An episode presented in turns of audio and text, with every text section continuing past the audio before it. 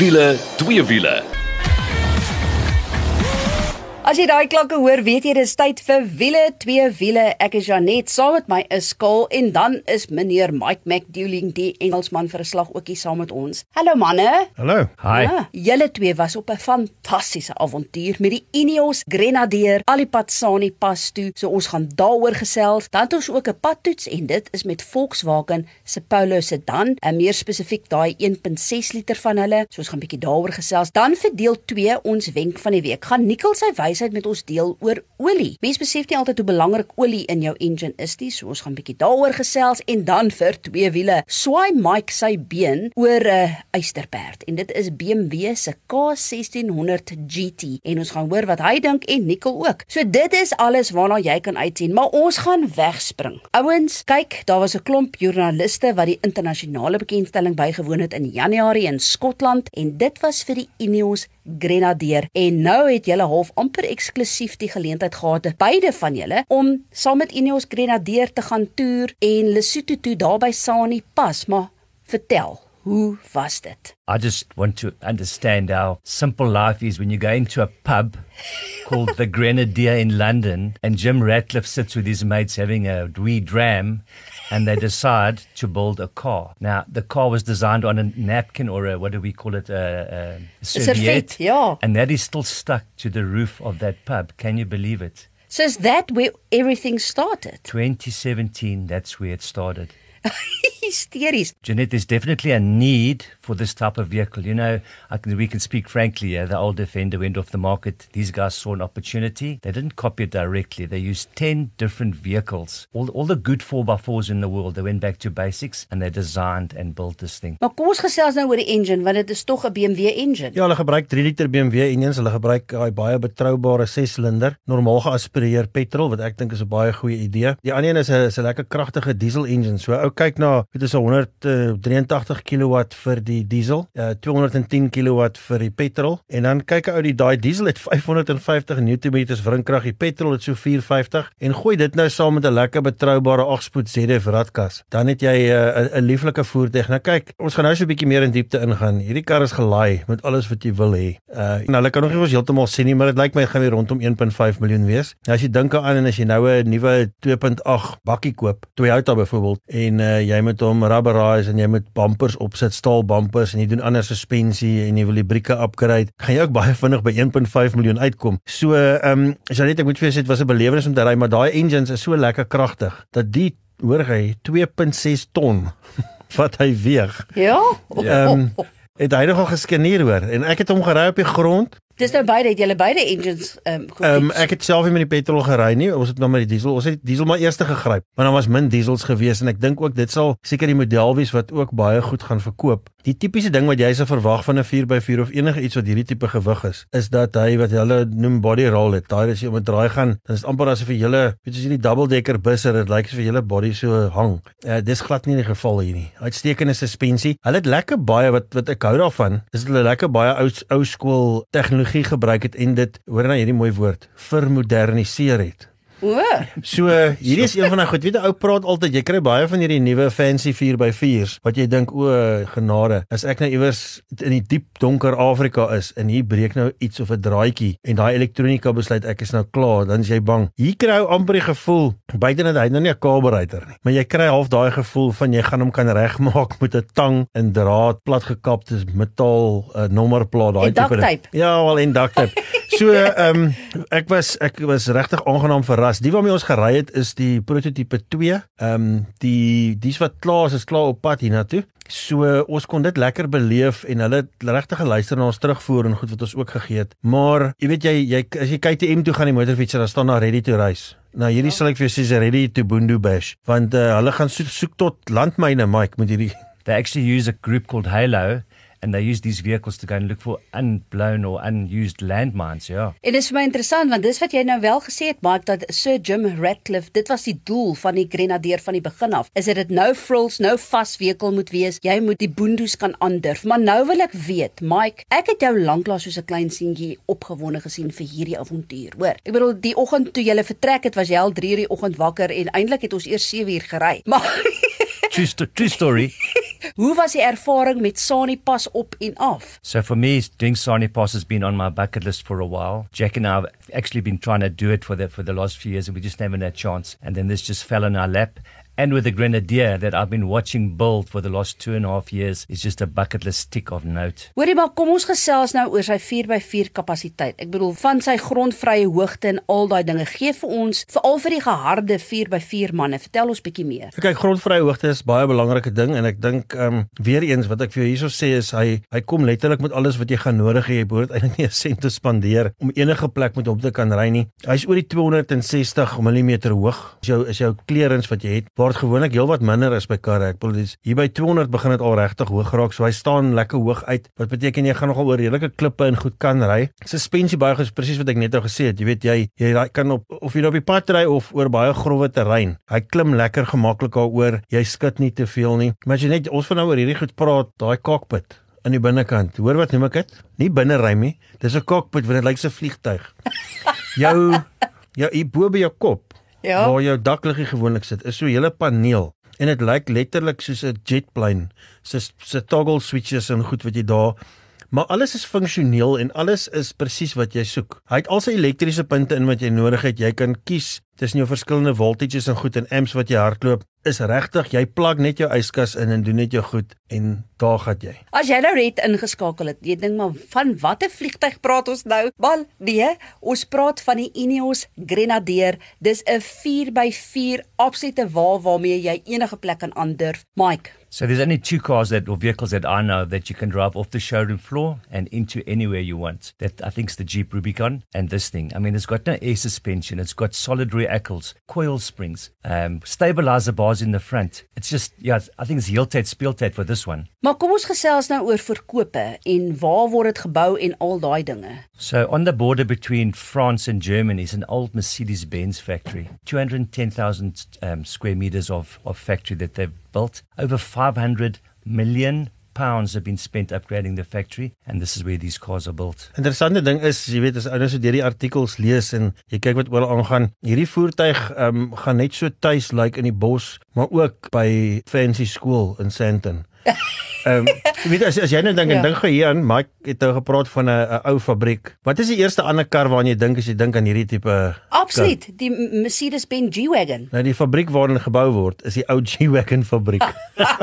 Daar het jy dit nou. So wat hulle gedoen het is is hier's regtig ontsettend baie. Hulle hulle praat van Engelse grofheid en deringheid gemeng met Duitse vindingrykheid om hierdie voertuig te bou. Iets om te beleef. Ek weet Mike sê uh, ons weer die Defender gaan. Ek sal jou nie kwaadlik neem as jy dink daar ry Defender nie. Want dit lyk so. Die verskil is as jy die ding se agterdeure oop en toe maak, maak dit lekker solied oop en toe. Die gapentjies is alles mooi reg en uh, so die panele en die maniere aan mekaar gesit is so 'n lieflike voertuig. Kom in die snaakste allerlei klere en goed, maar ek wil is amper asof een alles lyk mooi op hom. Uh en Ricardo se plekke, ek ja. moet nou vinnig deur hierdie goed hardloop. Brembo brieke, uh so niks word terughou nie. Jy het 'n keuse van van twee bande wat jy saam met hom kan kry. Die een is daai baie bekende en baie gewilde BF Goodrich en uh, die ander een is Bridgestone se Dueler. So uh, jy weet jy kan jou keuses regmaak. Jy bestel vir hom so. Ek weet daar is al 'n paar se gesit op die water op pad Suid-Afrika toe. Die lekker ding is uh, die SMG groep wat ons almal ook goed ken wat landwyd is,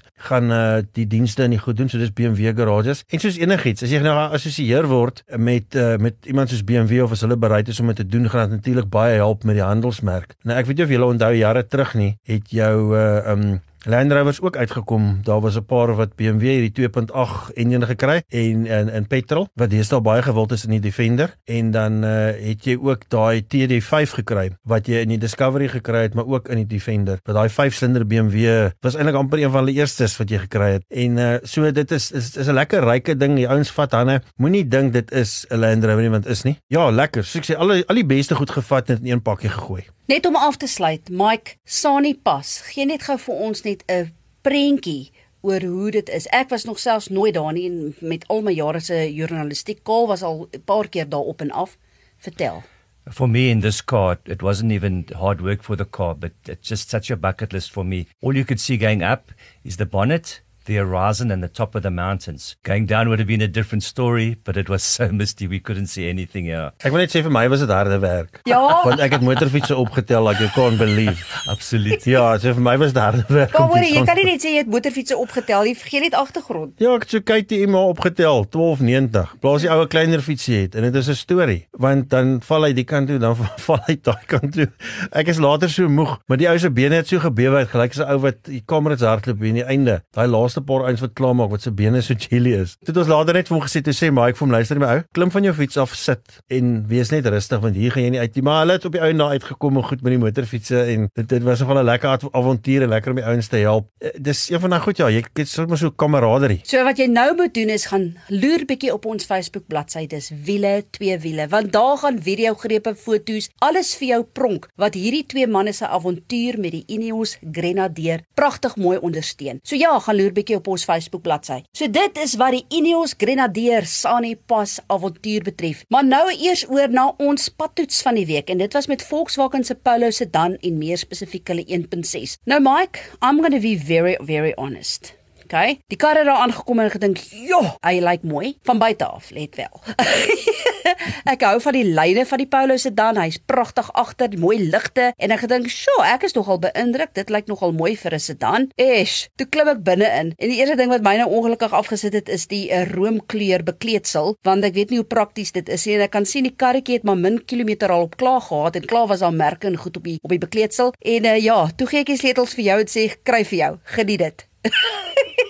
Yeah, look, you know, when I get in the car, I try and find out what the manufacturer's trying to do here. So, sales reps cars, hire cars, Uber cars, you know, with that beautiful 521 litre boot, that nice little punchy 1.6 litre engine, 81 kilowatts, I think it's 152 newton meters, but very nice drive. But the only thing I could fault it was was with those light coloured seats. You know, if you're going to put, if it's going to be a people carrier, you're going to have a bit of um, challenges to keeping it clean, yeah. Ja, so ek het eintlik half kaal 'n blond op myself getrek deur gesê het, maar ek wil niks stel nou nie belang in die kar oor die oor die kleur van die bekleedsel nie wat ook nie regverdig is nie. Kan ek wel vir jou sê dat wat die afwerking aan die binneruim betref, dit was heel goed. Um, ek het gehou van die elektronika. Ek raak nou gewoond aan Volkswagen se elektronika dat alles met die druk van 'n vinger is en nie die draai van 'n knoppie nie. Ek dink ons ou generasie hou nog daarvan om 'n knoppie te druk of 'n knoppie te draai. Ek is baie ek hou baie van 'n knoppie te druk hoor.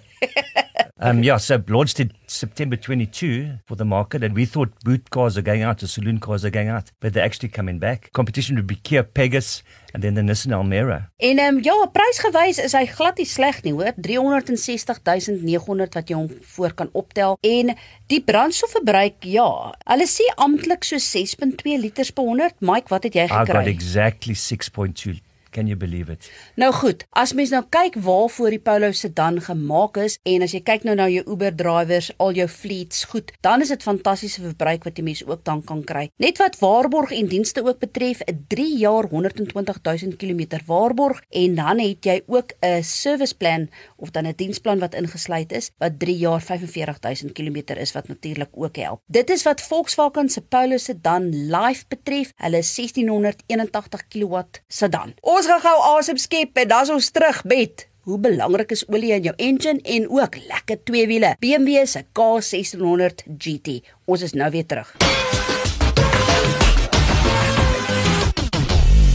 As jy 'n vlekvrye staal uitlaatstelsel soek of jy nou jou kar wil laat purr soos 'n klein katjie of laat blaf soos 'n Rottweiler, moet jy definitief 'n draai gaan maak by Powerflow Belwel. Hulle kyk na alles wat jy nodig het wanneer dit by jou uitlaatstelsel kom en jy kry boonop 'n 5 jaar waarborg ook. 'n Nuwe stelsel sal self vir jou beter werkverrigting gee. Besoek powerflowbelwel.co.za of Powerflow Exhaust Belwel op Facebook. Powerflow Belwel, jou nommer 1 vir vlekvrye staal uitlaatstelsels. As jy nou net ingeskakel het, dit is wiele twee wiele. Ja, ons is nog steeds saam met jou. Ek is Janet, saam met my is die Engelsman Mike McDouling en natuurlik Kaal is ook hier. Maar ouens, dis nou tyd vir ons wenk van die week. En ons sê vir jou die hele tyd, as jy nou jou kar wil verkoop, is dit absoluut die beste tyd. Dis nou as jy in die Kaap is. As jy nie in die Kaap is nie, moenie stres nie, want jy kan wel al die kwaliteit voertuie wat Gethoof aankoop, kan jy weer koop. Maak nie saak waar jy in Suid-Afrika is nie. Doen jouself 'n guns. As jy jou kar wil verkoop, luister gou hierna. Baie mense se waardevolste bate is hul motor. So wanneer dit kom by die verkoop daarvan, wil hulle seker wees hul kruiwer dit regtig werd is. Gatewith.co.za sal seker maak jy kry jou motor se regte waarde wanneer jy dit deur hulle verkoop. Gatewith gee jou 'n vaste aanbod vir jou motor gebaseer op werklike markdata. Geen skattings gebaseer op 'n generiese boekwaarde nie. Besoek gatewith.co.za vir 'n vaste aanbod vir jou motor. Gatewith, koop reg verkoop slim. Nou toe, nou is dit werklik tyd vir ons wenk van die week en hierdie keer gesels ons oor olie. Mens besef nie regtig hoe belangrik olie in jou kar is nie. En natuurlik vir ons wenk van die week gaan die slim een van die span by ons aansluit en dit is Nicole. Ja nee, hy's nie vir niete ingenieur nie, hoor. Hallo Nicole. Ja, dankie dat jy weer jou wysheid met ons deel. En jy sê ons gesels hierdie week oor olie. So my eerste vraag is dan, hoekom is olie dan so belangrik vir jou engine? Wiele twee wiele span ja. So vandag gaan ons 'n bietjie oor olie praat en hoe belangrik is dit vir jou engine? Dis natuurlik die lewensbloed wat jou engine aan die gang hou. Hoofdoel van olie is natuurlik smering en kan jy julle dink dat daar's van daai bewegende dele in jou enjin waar daar verskriklike laste deurgaan en Daar's 'n mikronfilm van olie wat beskerm dat daar yster teen yster kontak is. Dink veral in jou laars of jou bearings. Sonder olie daar sal jou enjin onmiddellik ontrent vaslaan en groot skade hê. Ons neem amper olie vir van selfsprekend in 'n enjin, maar dit het natuurlik 'n baie groot doel en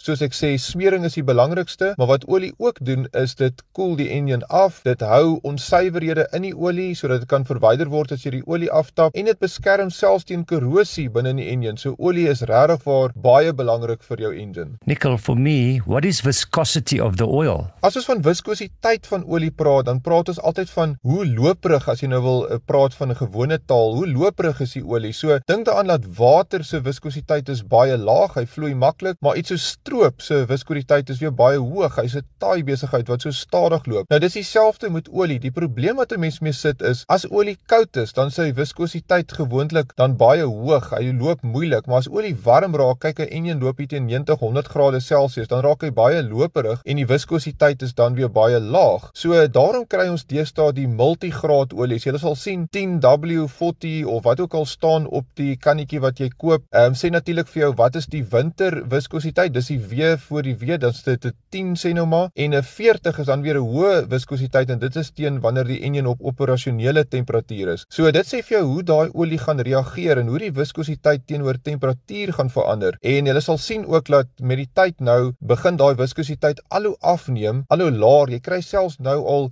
iets soos 'n 10 W 20 of 'n 5W15 sulke tipe van olies en die doel daarvan is om die wrywing binne in die enjin minder te maak sodat jy uh, meer uh byvoorbeeld effektief kan loop en dat jy ook meer kilometers per liter brandstof kan kry. Maar nou wil ek weet Nicole, wat is die verskil tussen mineraal en sintetiese olie? Ja, ek wil dit wil span. Ek dink daar's baie onduidelikheid oor mineraalolie teenoor sintetiese olie. Onthou dat alle olie word maar meestal uit ruolie uh vervaardig. So dis nie asof sintetiese sintetiese olie heeltemal mensgemaak is nie. So mineraalolie word gemeng deur 'n klomp basisolies en dan jou sintetiese olie word dit 'n hele stap verder gevat. Daai proses word in 'n laboratorium bepaal en dit is om byvoorbeeld jou koolstofketTINGS en so aan in die in die olie baie presies te kry sodat daai olie dan baie beter gaan um, smering bied en baie beter gaan wees teen hoë temperature en hoë operasionele laste. So dit is 'n baie meer ingewikkelde proses om 'n sintetiese olie te vervaardig.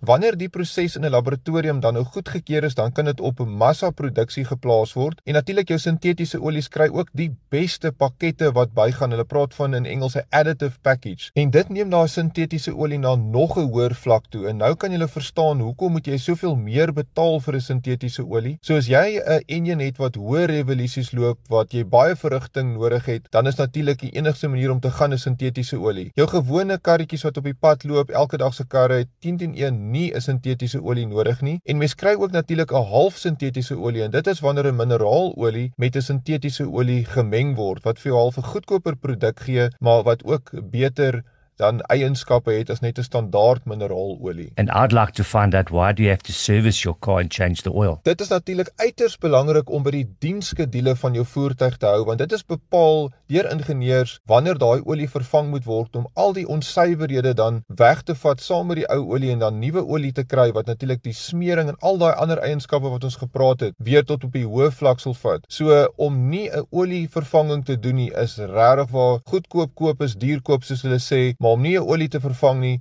jy soek net vir groot moeilikheid in die toekoms. Nou daar het jy dit. Olie is werklik baie belangrik in jou engine, so moenie nalat om jou olie gereeld na te gaan of dit te vervang nie. Maar dit is wat ons wenk van die week betref nou oor vir twee wiele. En hoe lekker is dit om vir 'n slag te kan sê dat ons weer 'n tweewiele gery het. Wel ek het hom nie gery nie, maar Mike, jy het ons set en baie tyd op hierdie uisterperd spandeer en ons praat van BMW se K1600 GT. Dis nogal 'n redelike groot meneer, maar ek dink dis een van die redes hoekom ek toe half besluit het nee wag, ek los dit maar vir die man.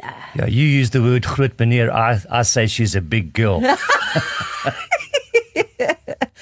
Hoorie maar jy het nou baie lekker tyd met hom spandeer. Nicole het ook met hom gaan ry. So, ehm um, wag voor ek hoor wat sê die Engelsman. Kom ons gaan hoor gou wat het Nicole gesê van hierdie twee wiele. Wiele twee wiele span. Ek was natuurlik op die BMW se K1600 GT bekendstelling gewees daar in die Parys omgewing in die Vrystaat en hoe lekker was dit om weer my been oor die fiets te swaai. Dis natuurlik nou 'n toetsmotorfiets die keer in op die Wes-Kaapse paai en laat ek vir jou vertel, daai woorde van 'n magic carpet ride, dis wat hierdie motorfiets is. Dit is seepglad om daai motorfiets te ry en ek praat nie eers van daai 6-silinder engine nie. Hoe spesiaal is dit om nog met 'n 6-silinder motorfiets te kan ry? Hy is so glad soos 'n turbine en daar is genoeg krag en alles wat elektronies op daai motorfiets kan beweeg, die skerm wat kan op en af. Laat ek net so vertel, terwyl ek vir 'n toetsrit gegaan het, het daar reën by uitgesak. Ek het daai skerm opgelig en ek het kurkdroog by die huis aangekom. Dan natuurlik 'n radio, as jy nie moeg is om net buitekant rond te kyk, jy wil bietjie nuus luister of bietjie musiek, kan jy die radio aansit.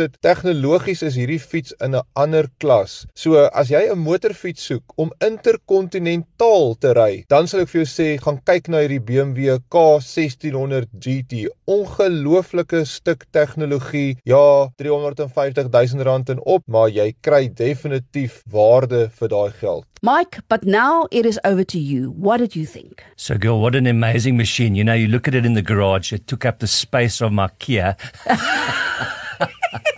and you think it's so daunting and big and heavy, but you start that bike, it is so feather light, built for comfort, probably the most luxurious tourer out there. And I'm going to put my name on that one. Absolutely bliss to drive. It's got all the bells and whistles you want, a beautiful radio system, a sound system out of the engine that I think in Afrikaans you say that's skrik for nix. It is absolutely like an orchestra. Beautiful. Six cylinders at eight and a half thousand revs is just pure pure magic. Hoorie, ek kan vir jou een ding sê, ek het die disco gehoor toe Nicole aangery kom.